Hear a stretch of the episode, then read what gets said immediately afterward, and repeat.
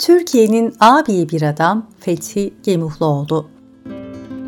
Onu meydan yeri tanımaz. Fethi Gemuhluoğlu, harp meydanında görünmeyen fakat ateş hattındakilere sakalık eden, nakliye ve levazım kollarına yön veren, hususi çevrelerde mayası halis bir gençlik yoğuran, gönlü tasavvuf kokusuyla ıtırlı ve dili en murassa Osmanlıca zarfı içinde İslami zevk masfuruyla nakışlı son turfanda bir tipti, diyor Necip Fazıl Kısakürek. Öldüğünde dünyanın boşaldığını hissettiğiniz biri olmuştur hayatınızda anne, baba ya da sevgili. Sizin için boşalır hissedersiniz dünyayı. Bildiniz mi onu? İşte öldüğünde bütün Türkiye için dünyanın boşaldığı adamların başında geliyordu o. Bizim kuşağımız neden yetim büyüdü sorusunun bir diğer cevabıdır aslında Fethi Gemuhluoğlu'nun yokluğu.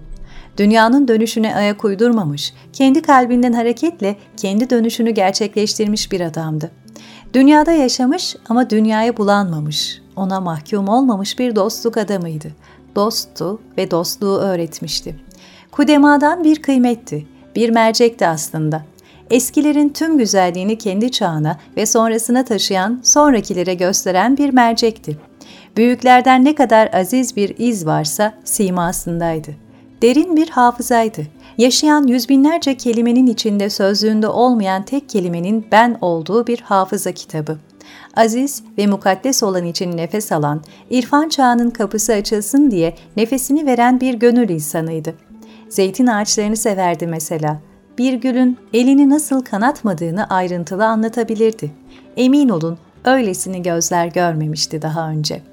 Arapgirli bir Türkmen ailesinin oğlu olarak 1923 yılında İstanbul'da doğdu. 1977 senesinde erken sayılabilecek bir yaşta yine İstanbul'da vefat etti. Bu iki tarih arasında bir biyografisi var elbette. Doğdu, dünyaya dokundu ve gelen herkes gibi gitti.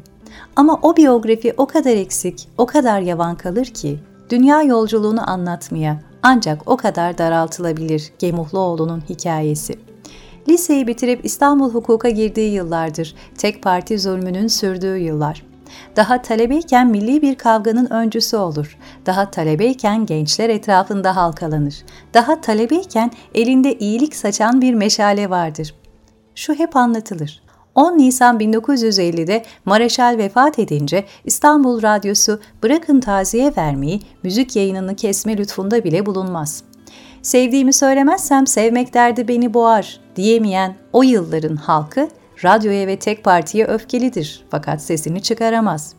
Bir ışık beklenirken henüz gençlik yıllarında bir milletin önüne geçer. Heyecanlı nutuklar arasında radyo binasında protesto yapılır.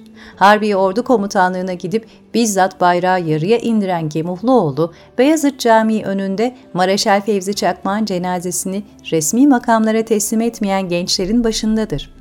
Şeyh Baba'dan el almış bir Şabani dervişiydi. Ama şimdilerde namı cihanı tutmuş tarikat erbabıyla karıştırmayın onu ne olur.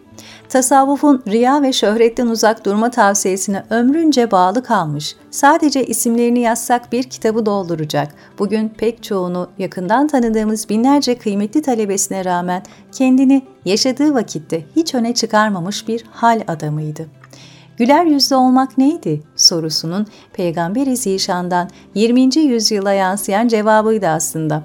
Meydanda değildi, fotoğraflarda yoktu fakat bir nesli himmetiyle yürütmeyi bildi. Mesleği, meselesi neydi diye soracak olursanız hemen söyleyelim. Bir öğretmendi o.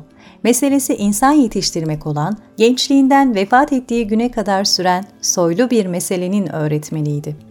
Küllük kahvesinde, Türk Ocağı'nda, Milliyetçiler Derneği'nde nefes aldığı her an bir adım geride durarak insan yetiştirmeye adadı kendini.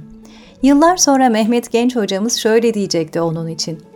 Cevheri olan insanları keşfetmiyordu. Her insanda bir cevher keşfediyordu.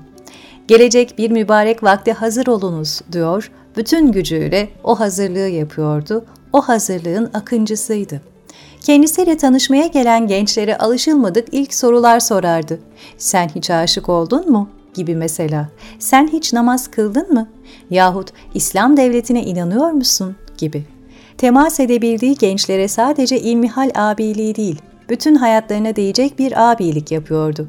Evlenmelerinden iş bulmalarına, yapıp ettiklerinden yazıp çizdiklerine kadar hiçbir karşılık beklemeden, bunu ima bile etmeden yol gösteriyordu herkese.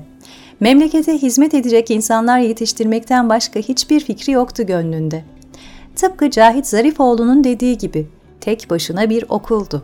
Tıpkı İsmet Özel'in dediği gibi, bize kendi kuşağı içinde en sağlam çizgiyi aktarabilenlerden biriydi. Tıpkı Nuri Pakdil'in dediği gibi, insanı elinden tutup çağa çıkartıyordu. Türkiye'nin bütün meseleleriyle ilgilenen bir gönül adamıydı. Henüz 1950'li yıllarda Cezayir'i, Tunus'u, Keşmir'i, Mısır'ı kalemine konu edinmişti.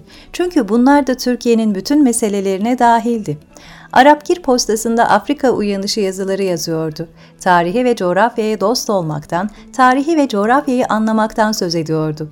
Çağının çok ötesinde bir ufuk taşıyordu gençken de, olgunluk çağındayken de, ömrünün son demlerindeyken de vahdet çağrısına dönüşmüş, hikmetle yoğrulmuş, devasa ve berrak bir akıldı Fethi Gemuhluoğlu. Akıldan çok belki gönüldü. Geride durup yalnızca hizmet etmekle ömrünü feda eden bu Anadolu erenlerinden mübarek bilgiyi yazarak anlatmak da zor elbette.'' 1975 yılında yaptığı Dostluk Üzerine adlı tarihi konuşması bu büyük çınarın gölgesinde soluklanamamış, bu mübarek pınarın çeşmesinden kanamamış, bütün bizim kuşağın okumaktan çok ezberlemesi gereken bir metindir. Bir metin değil, bir yol haritasıdır.''